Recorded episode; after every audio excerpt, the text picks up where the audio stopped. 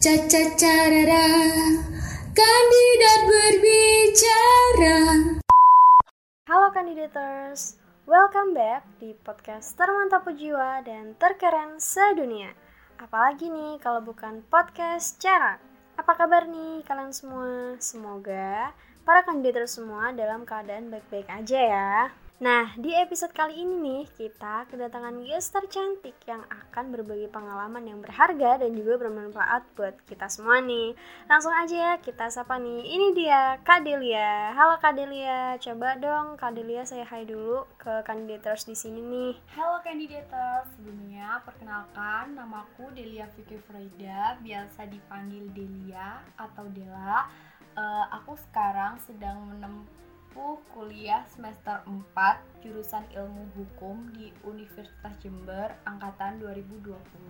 Oke, makasih ya Kak Delia atas perkenalan singkatnya hari ini. Nah, uh, hari ini kita bakalan membahas tentang gap year. Nah, teman-teman pasti udah nggak asing lagi kan ya sama yang namanya gap year. Nah, hari ini kita akan membahas tentang gap year bersama Kak Delia karena juga uh, seperti yang aku pernah dengar ya Kak Dilia uh, sebelumnya pernah year kan ya? Iya benar. Oke, okay. uh, eh, kira-kira waktu itu uh, angkatan tahun berapa sih kak kalau nggak year harusnya nih ya? Uh, aku itu sebenarnya angkatan tahun 2019. Oke, okay. bisa diceritain nggak kak mulai dari awal kenapa sih kok uh, harus memilih vakum dulu atau year dulu nih? Awalnya gimana nih? Uh, sebenarnya sih aku juga nggak ingin ya. Iya. nggak ingin kayak gap year tahun ini. Sebenarnya sih ya ingin banget sih kuliah pada tahun itu. Uh -huh. di tahun 2019 itu juga pengen banget kuliah. Soalnya kenapa? Teman-temanku semua banyak yang udah masuk kuliah. Nah di saat itu aku itu uh, ikut tes SBM PTN ambil jurusan ilmu hukum. Oh berarti sama ya? Ilmu hukum juga ya iya okay. sama. Nah itu aku gagal. Waktu SBM terus aku tuh lanjut ke Mandiri nyoba tuh ke Mandiri ambil jurusan ilmu hukum juga. Nah ternyata masih gagal juga. Terus aku juga sempet masuk sih di salah satu universitas swasta yang ada di Jember tapi itu nggak sesuai dengan jurusanku. Jadi oh, aku memilih okay, untuk okay. gap year aja daripada aku di tengah jalan nanti kayak masih kurang iya kayak gitu. kurang cocok gitu ya, ya sama jurusannya oke okay, berarti memang uh, alasan gap year dari awal itu memang karena uh, udah daftar nih sebelumnya udah daftar yeah. SBM tapi karena nggak diterima di jurusan tersebut maka memilih vakum dulu atau gap year ya daripada yeah. ambil jurusan yang memang kita nggak mau juga nah, gitu nggak cocok. Banget, Nah uh, selama gap year nih Kandelia kan Kandelia gap year berarti selama satu tahun ya kurang lebih ya? Iya benar. Selama gap year satu tahun itu uh, Kandelia uh, ngapain aja sih? Kira-kira uh, hal apa aja yang dilakukan selama gap year sampai bisa keterima lagi kuliah di tahun depan gitu? Uh, jadi itu aku selama aku gap year itu aku memutuskan untuk ikut bimbingan belajar yang ada di Jember. Ikut bimbel gitu buat ngisi selama satu tahun ini aku ngapain daripada aku bingung gitu ya. Jadi aku milih ikut bimbel. Dan selain itu aku juga menjadi model freelance juga. Oh model freelance? Ya oke. Okay.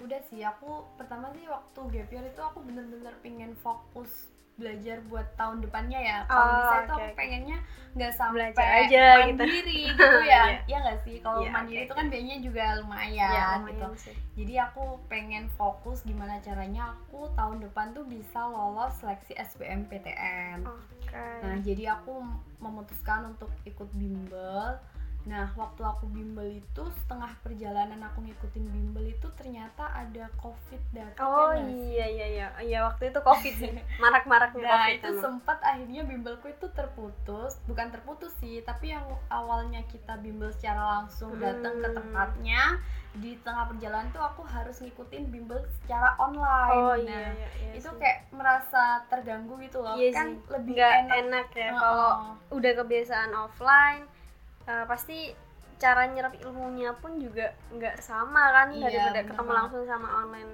Oke oke. Terus bisa dilanjutin? Uh, jadi aku waktu ada covid datang itu ya udah deh di apa ya di dilaksanain aja. Jadi itu aku juga ikut bimbel secara online mm -hmm. juga. Tapi selain itu itu uh, aku juga cara belajarku itu kayak buka buka-buka YouTube gitu oh ya. iya. Jadi nggak jadi nggak dari satu referensi aja uh, tapi jadi... uh, juga ada buku juga uh, menggunakan YouTube dan sosial media lainnya juga iya, gitu. oke. Okay. oke okay, uh, terus kan tadi Kadila juga sempat uh, bahas-bahas nih ya jadi model freelance. Nah kok bisa gitu di ya kan dibilang muda ya kan cukup muda juga ya untuk bekerja freelance dan itu jadi model gitu loh. Dan nggak semua orang bisa jadi model gitu kayak kok bisa Kak Delia bisa um, nyambi kerja freelance jadi model waktu itu gimana ceritanya kak? Uh, gimana ya? Aku juga nggak nyangka gitu loh bakalan bisa diajak beberapa MUA tentunya. Mm -hmm. Jadi aku waktu uh, apa masih kosong ya maksudnya belum sibuk-sibuk banget gitu. Terus aku diajak eh kamu mau nggak jadi model make upku? gitu. Pertama itu sama siapa ya? Entah lupa aku. Terus gitu awalnya cuma satu dua terus waktu apa waktu bener-bener kemarin belum sibuk itu masih lumayan terus berjalan. Jadi aku yang ngikutin aja deh kalau diajak salah satu atau beberapa MUA itu selalu ngikut diajak ke sini iya diajak ke sini iya gitu gitu aja sih. Uh, kan tadi Kak udah uh, menceritakan ya tentang uh, kerja freelance diajak uh, temen kenalan dan lain-lain. Nah uh, kok bisa kenapa harus kerjanya itu freelance model gitu? Apakah dulu pernah ada pengalaman jadi model atau semasa sekolah pernah uh, jadi model atau lomba apa gitu mungkin? Bisa diceritakan kak uh, waktu aku sekolah dulu aku itu sering ikut karnaval ya nggak sih kalau di desa-desa oh, iya, iya, iya. kalau di desa-desa ada kayak kegiatan 17 karnaval gitu-gitu. Iya, kayak nah, ada festival desa gitu ya. Buat yeah. teman-teman nih disclaimer. Jadi uh, di desa itu biasanya ada kegiatan kayak menjelang 17 Agustus itu setiap desa memeriahkan uh, kegiatan Agustusannya itu dengan cara mengadakan festival di mana seperti festival lomba fashion gitu ya, ya fashion dan uh, fashion dan budaya budaya kayak nari atau drama gitu dan lain-lain. Jadi memang memperkenalkan budaya-budaya yang ada melalui kegiatan event di desa tersebut kayak gitu. Nah waktu itu kak Dilia jadi apa kak? Nah aku waktu mulai dari SMP sampai SMA itu aku selalu ikut jadi aku selalu ikut tuh karnaval jadi aku biasanya itu kayak disuruh jadi pegang nomor atau apa-apa gitu ya pokok selalu ikut memeriahkan 17 Agustusan itu nah sampai di situ aku itu kayak banyak dikenal orang-orang oh, iya gitu sih. loh apalagi kayak MO MO gitu ya pasti kayak udah lumayan yang kenal. mengawali aku kayak aku awalnya itu kayak yang nggak dikenal orang hmm. jadi dikenal banyak orang itu awalnya dari itu juga Oke, berarti memang basicnya Kak Delia itu uh, dari sekolah ya, udah dari sekolah udah terjun ke dunia fashion ya. Kok bisa tiba-tiba jadi model hijab ya? Dan waktu itu kan salah satu brand hijab itu juga lumayan booming di uh, maupun di desa kita sendiri dan juga di online shop gitu. Waktu itu uh, sempat guys. Jadi aku tuh waktu itu nggak sengaja um, cerita dikit ya.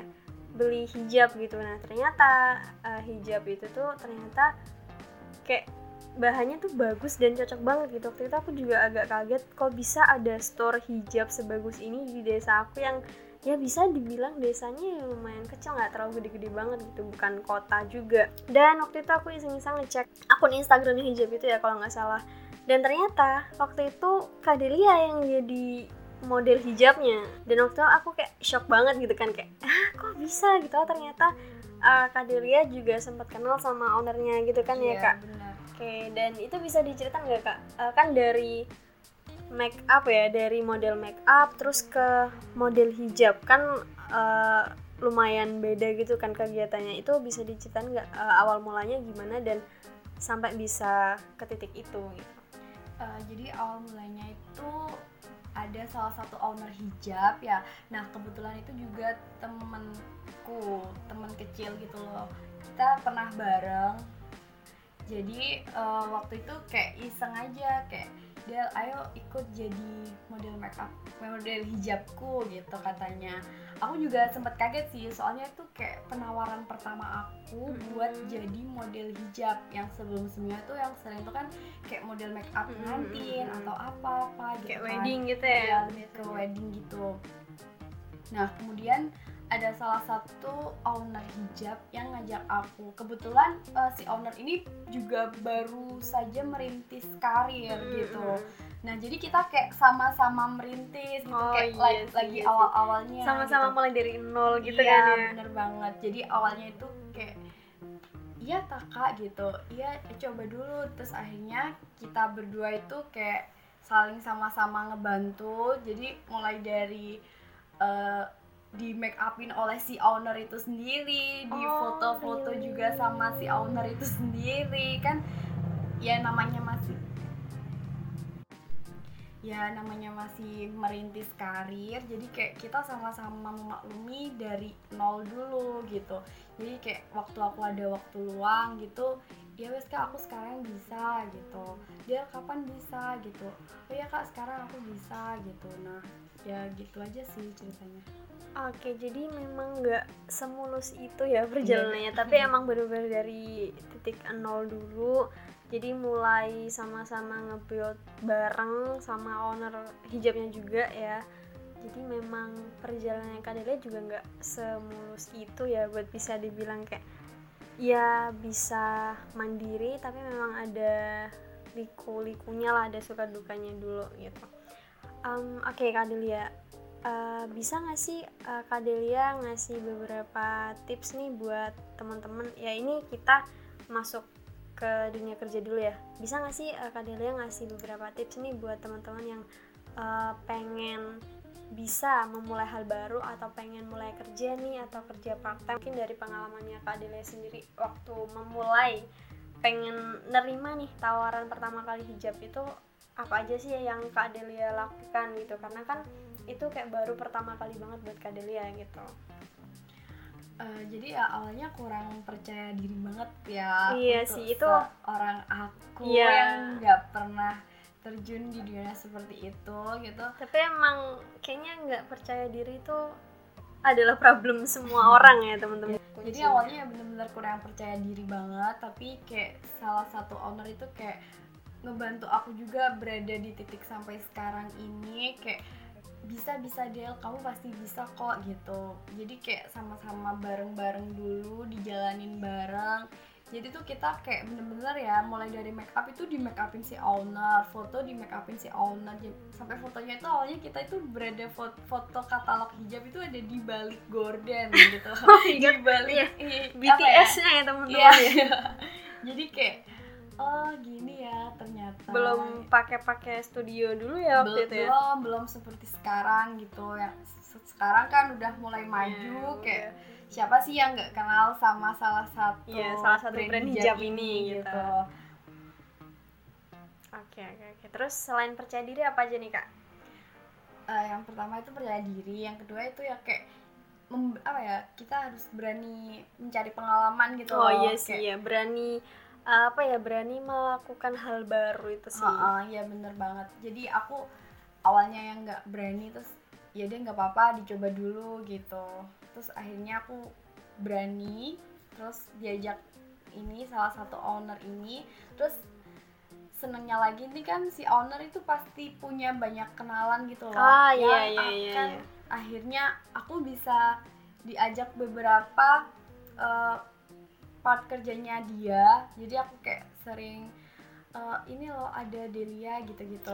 Oh berarti um, oh kan yang dari dulu uh, model hijabnya itu di make upin sendiri sama ownernya terus sekarang si kakak ini nih punya MOA sendiri gitu ya. Hmm, dan dari situ Kak Delia juga bisa kenalan sama uh, para MOA MOA-nya dan sampai-sampai Kak Delianya sendiri bisa kerjasama sama MUA-nya juga iya, gitu guys. Jadi setiap ada event-event itu kayak biasanya bareng ngajak aku ke mana ke mana gitu bareng. Oke, berarti uh, dari yang kalian jelasin, aku bisa tangkap ada tiga poin penting yang harus kita uh, punya ya waktu selama kita pengen bekerja atau mencoba hal baru ya. Yang pertama kita harus percaya diri, terus yang kedua kita juga harus berani ya, uh, berani mencoba hal baru ya. Dengan kedua itu kita juga bisa dapat relasi guys. Oke, okay, hmm. jadi jadi tiga poin ini tuh penting banget buat kita um, apa ya ingin yang ingin kerja atau ingin mencoba hal baru itu penting banget sih buat kita laksanakan atau buat kita prepare gitu. Kan Kak sendiri uh, waktu itu ya kan kerja part time jadi uh, makeup wedding juga, terus makeup hijab juga, eh, apa model hijab juga gitu. Dan masih bimbel online juga. Nah, gimana cara Kak ini bisa memanage waktu antara uh, belajar dan juga kerja freelance gitu sementara kan yang kita ketahui kayak jadwalnya ya lumayan padat gitu uh, jadi aku cara manage waktunya itu aku lebih ngutamain ke bimbelku dulu sih ya. Karena kenapa? Karena aku ini gap year tujuanku itu untuk fokus ke tes tahun depan. Oh, iya, iya, iya, tes SBMPTN itu gimana caranya aku bisa lolos di tes SBM ini. Jangan sampai aku masuk mandiri. Jadi di uh, pikiranku itu kayak aku harus masuk SBM aku harus lolos tes seleksi SBMPTN oh, yes. ini. Nah, cara aku manage waktu itu, aku biasanya kalau Senin sampai hari Jumat itu, mm -hmm. itu aku lebih memilih fokus ke bimbel. Jadi aku kayak ngisi kegiatan model freelance ini cuman di hari Sabtu dan Minggu aja gitu. Oh, oke okay, oke. Okay. Berarti kalau weekend itu malah digunakan buat bekerja nah, ya, bukan main. ini sibuknya bukan main nih Kak ya guys berarti minus waktunya dengan cara kalau hari Senin sampai Jumat itu hari-hari kerja ya guys itu yeah. digunakan untuk belajar. Dan kalau uh, weekend itu Kak Delia baru bisa ngisi kegiatannya untuk bekerja. Nah terus kalau misalkan Senin sampai Minggu nih Kak ini kan full ya? Yeah. mainnya kapan dong? Nah itu. Jadi aku uh, semenjak uh, gap year ini banyak kehilangan temen yang oh, sih? Iya sih iya. soalnya aku lebih mentingin bimbel dan hari liburku aku lebih milih untuk ikut kerja iya gitu ya lebih milih iya sih. apa milih diajak jadi model freelance jadi daripada ikut temen-temen yang lagi main nongkrong ke sana ke sini itu aku lebih banyak waktunya jadi aku itu uh, kapan ya aku mainnya itu gitu jadi ya waktu gap year itu aku juga um, hampir nggak pernah main ya karena kayak lebih mentingin uh, fokus ke belajar fokus ke bimbel ini. Gimana caranya aku biar bisa lolos SBM PTN terus waktu weekendku juga aku isi dengan kerja menjadi model freelance itu Iya bener banget sih guys ya. Uh, selagi kita masih muda juga kayak jangan sampai ya waktu kita tuh kita buang-buang cuman buat kayak happy-happy doang buat oh, nongkrong bener. doang. uh, seenggaknya tuh kita nyiapin masa depan kita untuk beberapa tahun ke depan gitu kan. Uh, salah satunya dengan cara ini kita nge-reach beberapa target kita dalam waktu dekat. Nah uh, biasanya nih kak kan kalau misalkan uh, lagi gapir ya dan kita udah bisa punya income sendiri gitu. Ya udah pilih yang pasti aja gitu kan kayak um, ya udah uh, mending kerja nggak sih daripada nungguin uh, tes SBM yang hasilnya nggak pasti gitu loh. Nah gimana sih kak Dede ini kok bisa memiliki pendirian? Uh, jadi biar tetap lanjut kuliah gitu. Padahal kan istilahnya kan kak Dila udah punya income yang ya bisa dibilang lebih pasti gitu daripada nunggu hasil tes SBM yang nggak pasti juga gitu. Uh, jadi yang membuat aku tetap memilih untuk lanjut kuliah itu salah satunya adalah aku mempunyai dukungan yang sangat kuat dari orang tuaku, terutama mamaku. Jadi kayak mamaku itu kayak kamu harus kuliah, kamu jangan sampai nggak kuliah jadi gimana caranya kamu harus masuk kuliah gitu. Sampai-sampai mamaku itu kayak tahun ini aja nggak apa-apa. Sebenarnya kayak mamaku tuh nggak mau gitu loh kayak aku harus gap year mending kamu daftar ke sini kayak pokoknya kamu harus tahun ini kamu harus kuliah nah dan aku udah mencoba sih daftar di salah satu universitas swasta yang ada di Jember dan aku kebetulan tuh masuk. Nah, tapi aku okay. juga kalau boleh tahu jurusan apa waktu itu? Uh, aku masuk di jurusan akuntansi ya. Oh, oke okay, oke okay, akuntansi. Nah, tapi aku kayak masuk di universitas ini kayak kayak kurang gimana ya kayak kurang cocok gitu loh.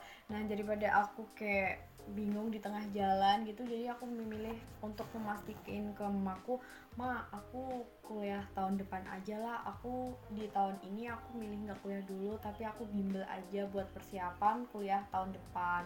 Nah jadi aku minta ke mamaku untuk ikut bimbel oh gitu. iya bimbel yang offline terus karena pandemi jadi online gitu iya, ya, ya. bener banget Oke, jadi memang ada dukungan yang kuat ya dari kedua orang yeah. tua. Jadi sampai-sampai Kak Delia, uh, alhamdulillah nih nggak ketrigger sama freelance ya, sama kerjaan freelance. Jadi tetap mengutamakan uh, fokus tujuan utamanya dia dulu waktu gap year itu apa? Kan dia belajar buat uh, mencapai tes SBM tahun depan gitu. Nah, uh, kira-kira ya kak, waktu Kak Delia gap year itu uh, rasanya gimana sih? Kayak sempat insecure nggak? Karena kan waktu itu kan uh, teman-temannya Kadila kan udah itu semua kan yeah. udah masuk kampus semua yeah. nah uh, waktu itu Kadila pernah nggak sih ada kayak event atau kegiatan ngumpul sama temen dan uh, yang berakhir di mana mereka cerita kayak kehektikan atau kesibukan mereka sendiri di kampus tapi Kadila waktu itu nggak punya kampus gitu yeah, buat diceritain bener. gitu kan kayak uh, pernah nggak sih kayak ngerasa aduh aku insecure banget yeah. gitu rasanya gimana sih kak dan gimana Kak Delia uh, apa ya menghadapi atau ngehandle ke uh, hal itu gitu loh. Uh, tentunya aku pernah ya nggak sih kayak kumpul-kumpul bareng temen di waktu posisi itu kan aku belum iya, belum dapet kampus uh, uh. ya nggak sih nah itu jelas insecure banget ya nah itu jelas insecure banget ya di mana teman-temanku pada cerita keasikan mereka di dunia hmm, perkuliahan uh, lagi ngomongin gimana apa yang waktu awal-awal uh, keterima kuliah ya, lagi ngomongin aspek oh iya yeah. bener banget. Itu dia menceritain kisah-kisah cerita mereka di waktu ospek. Nah aku itu kayak diem aja gitu. Ih asik banget ya hmm. kan gitu ya. Jadi tentunya ada rasa insecure juga.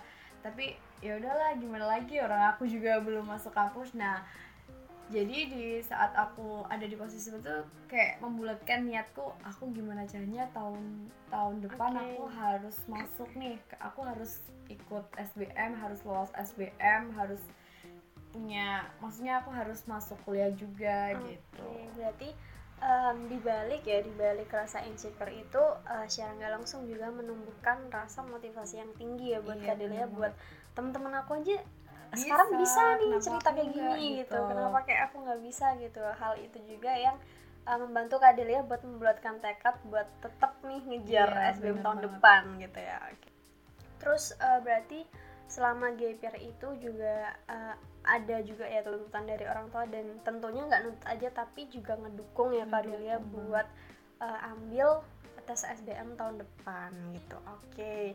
kita udah cukup lama ya udah ngobrol-ngobrol dari tadi sama Kak Delia nih. Tapi ada satu hal yang aku pengen tanyain ke Kak Delia ya. Gimana sih rasanya punya income sendiri nih kak? Seru banget dan seneng banget ya nggak sih? Bis ternyata gini ya ngerasain hasil dari jerih payah sendiri gitu ya. payah kita sendiri. Ya seneng banget ya nggak sih? Kayak sampai bener-bener aku sebenarnya pengen gak kuliah gitu karena oh, ngerasain terjadi sempet sempet ke trigger ya iya guys, ya. bener banget. Kayak ya happy lah tentunya bisa sedikit banyak bantuin meringankan beban orang tua tentunya. Kayak uang jajan ya udah diperoleh dari hasil itu jadi model freelance itu banyak kebantu buat uang jajan buat kebutuhan kita sebagai seorang wanita ya nggak iya iya pasti. Kebutuhan kita sebagai seorang wanita yang nggak jauh-jauh dari skincare ya teman-teman ya. Oke okay, jadi uh, memang sempat ke trigger juga ya kak buat ya udah bisa berpenghasilan sendiri nih tapi ya tetap aja ya yeah. karena uh, lingkungannya Kadelia yang sangat-sangat mendukung Kadelia buat melanjutkan pendidikannya ke jenjang yang lebih tinggi atau ambil kuliah jadi akhirnya alhamdulillah Kadelia nggak ketrigger ya yeah. sampai lupa akan tujuannya dulu fokus utamanya belajar buat apa gitu Oke kak, uh, untuk menutup pembicaraan kita pada hari ini, Kak Delia boleh dong uh, sharing uh, selama jadi gapir nih uh, suka dukanya apa aja sih gitu Oke, okay, uh, kita lihat dari sukanya aja dulu ya. Kalau sukanya jadi seorang gapir itu kita bisa mencoba beberapa hal baru yang sebelumnya itu kita belum pernah lakuin dan di saat gapir itu kita hanya kayak memulai oh, iya hal sih. baru itu. Iya iya ya, gitu udah ya. mau apa ya explore hal iya, baru gitu ya. Okay kalau du dukanya itu ya kita banyak-banyak insecure di iya saat iya kumpul sama iya beberapa teman iya, iya. teman-teman SMA gitu lagi kumpul-kumpul pasti mereka tuh bahas eh, kalian tugas kalian gak banyak tugas kalian pokok bicara tentang tugas masa-masa kuliah itu banget yang buat aku kayak banyak diemnya ya gak sih? Soalnya mereka ngomongin tapi iya, aku itu nggak ngerasain, ngerasain gitu, gitu. Iya. iya sih. Aku juga mau ngasih tips buat kalian yang sedang mengalami uh, yang sekarang sedang lakuin tes SBMPTN tapi ternyata kalian harus gap year tahun ini dan harus kuliah tahun depan. Intinya kalian harus tetap semangat dan jangan lupa berusaha berdoa. Itu pasti tentu. Terus sering-sering kayak lihat-lihat apa ya cara belajar online itu kayak lihat sosial media kan sekarang banyak. Kalian bisa sharing-sharing lewat YouTube. Aku pernah ngalamin uh, soal-soal dari YouTube itu banyak yang keluar gitu loh oh, di SWM iya bener oh, banget. banyak. Gitu. jadi kalian kayak sering-sering buka YouTube dan kayak praktekin langsung juga di jadi kayak pegang buku sambil nonton oh ini yang penting-penting ini gitu. Ya, intinya kalian harus berusaha belajar dan berdoa gitu. Semangat buat kalian pejuang gap year Oke, terima kasih buat tips dan juga motivasinya. Oke, dari pembahasan kita hari ini aku bisa menyimpulkan ya dari pengalaman Kadelia juga bahwa nggak um, apa-apa gitu jadi gapir itu nggak apa-apa. Karena ya apa ya gapir juga bukan aib juga ya guys ya. Dan dan juga um, gapir kan adalah salah satu proses juga gitu loh buat kita bertumbuh, berproses, berprogres. Meskipun di sela-sela gap year terus kita waktu explore itu menemukan uh, kegiatan baru, nemuin kerjaan part time yang membuat kita jadi apa ya uh, punya income sendiri, tapi nggak menuntut juga atau eh, nggak mengharuskan kita juga untuk uh, lupa gitu loh sama apa tujuan kita waktu gap year waktu kita yang senggang dan lama banyak itu kita gunakan ya sedikit banyaknya itu buat uh, dominan untuk belajar gitu. Jadi uh, selain belajar kita juga bisa menggunakan waktu-waktu itu buat explore. Tapi ketika kita explore jangan pernah lupa sama tujuan awal kita yaitu belajar. Gitu guys. Oke, okay, um, makasih banyak buat Kak Dela yang udah mau menyempatkan waktunya hari ini dan terima kasih juga buat kandidators yang udah setia banget sama kita selalu mendengarkan pembicaraan-pembicaraan atau pembahasan kita yang insya Allah bisa bermanfaat buat teman-teman semua. Teman-teman yang GPR di luar sana jangan nyerah tetap semangat. It's okay being GPR. Don't worry gang. Just try your best and never give up. See you di episode-episode baru selanjutnya. Bye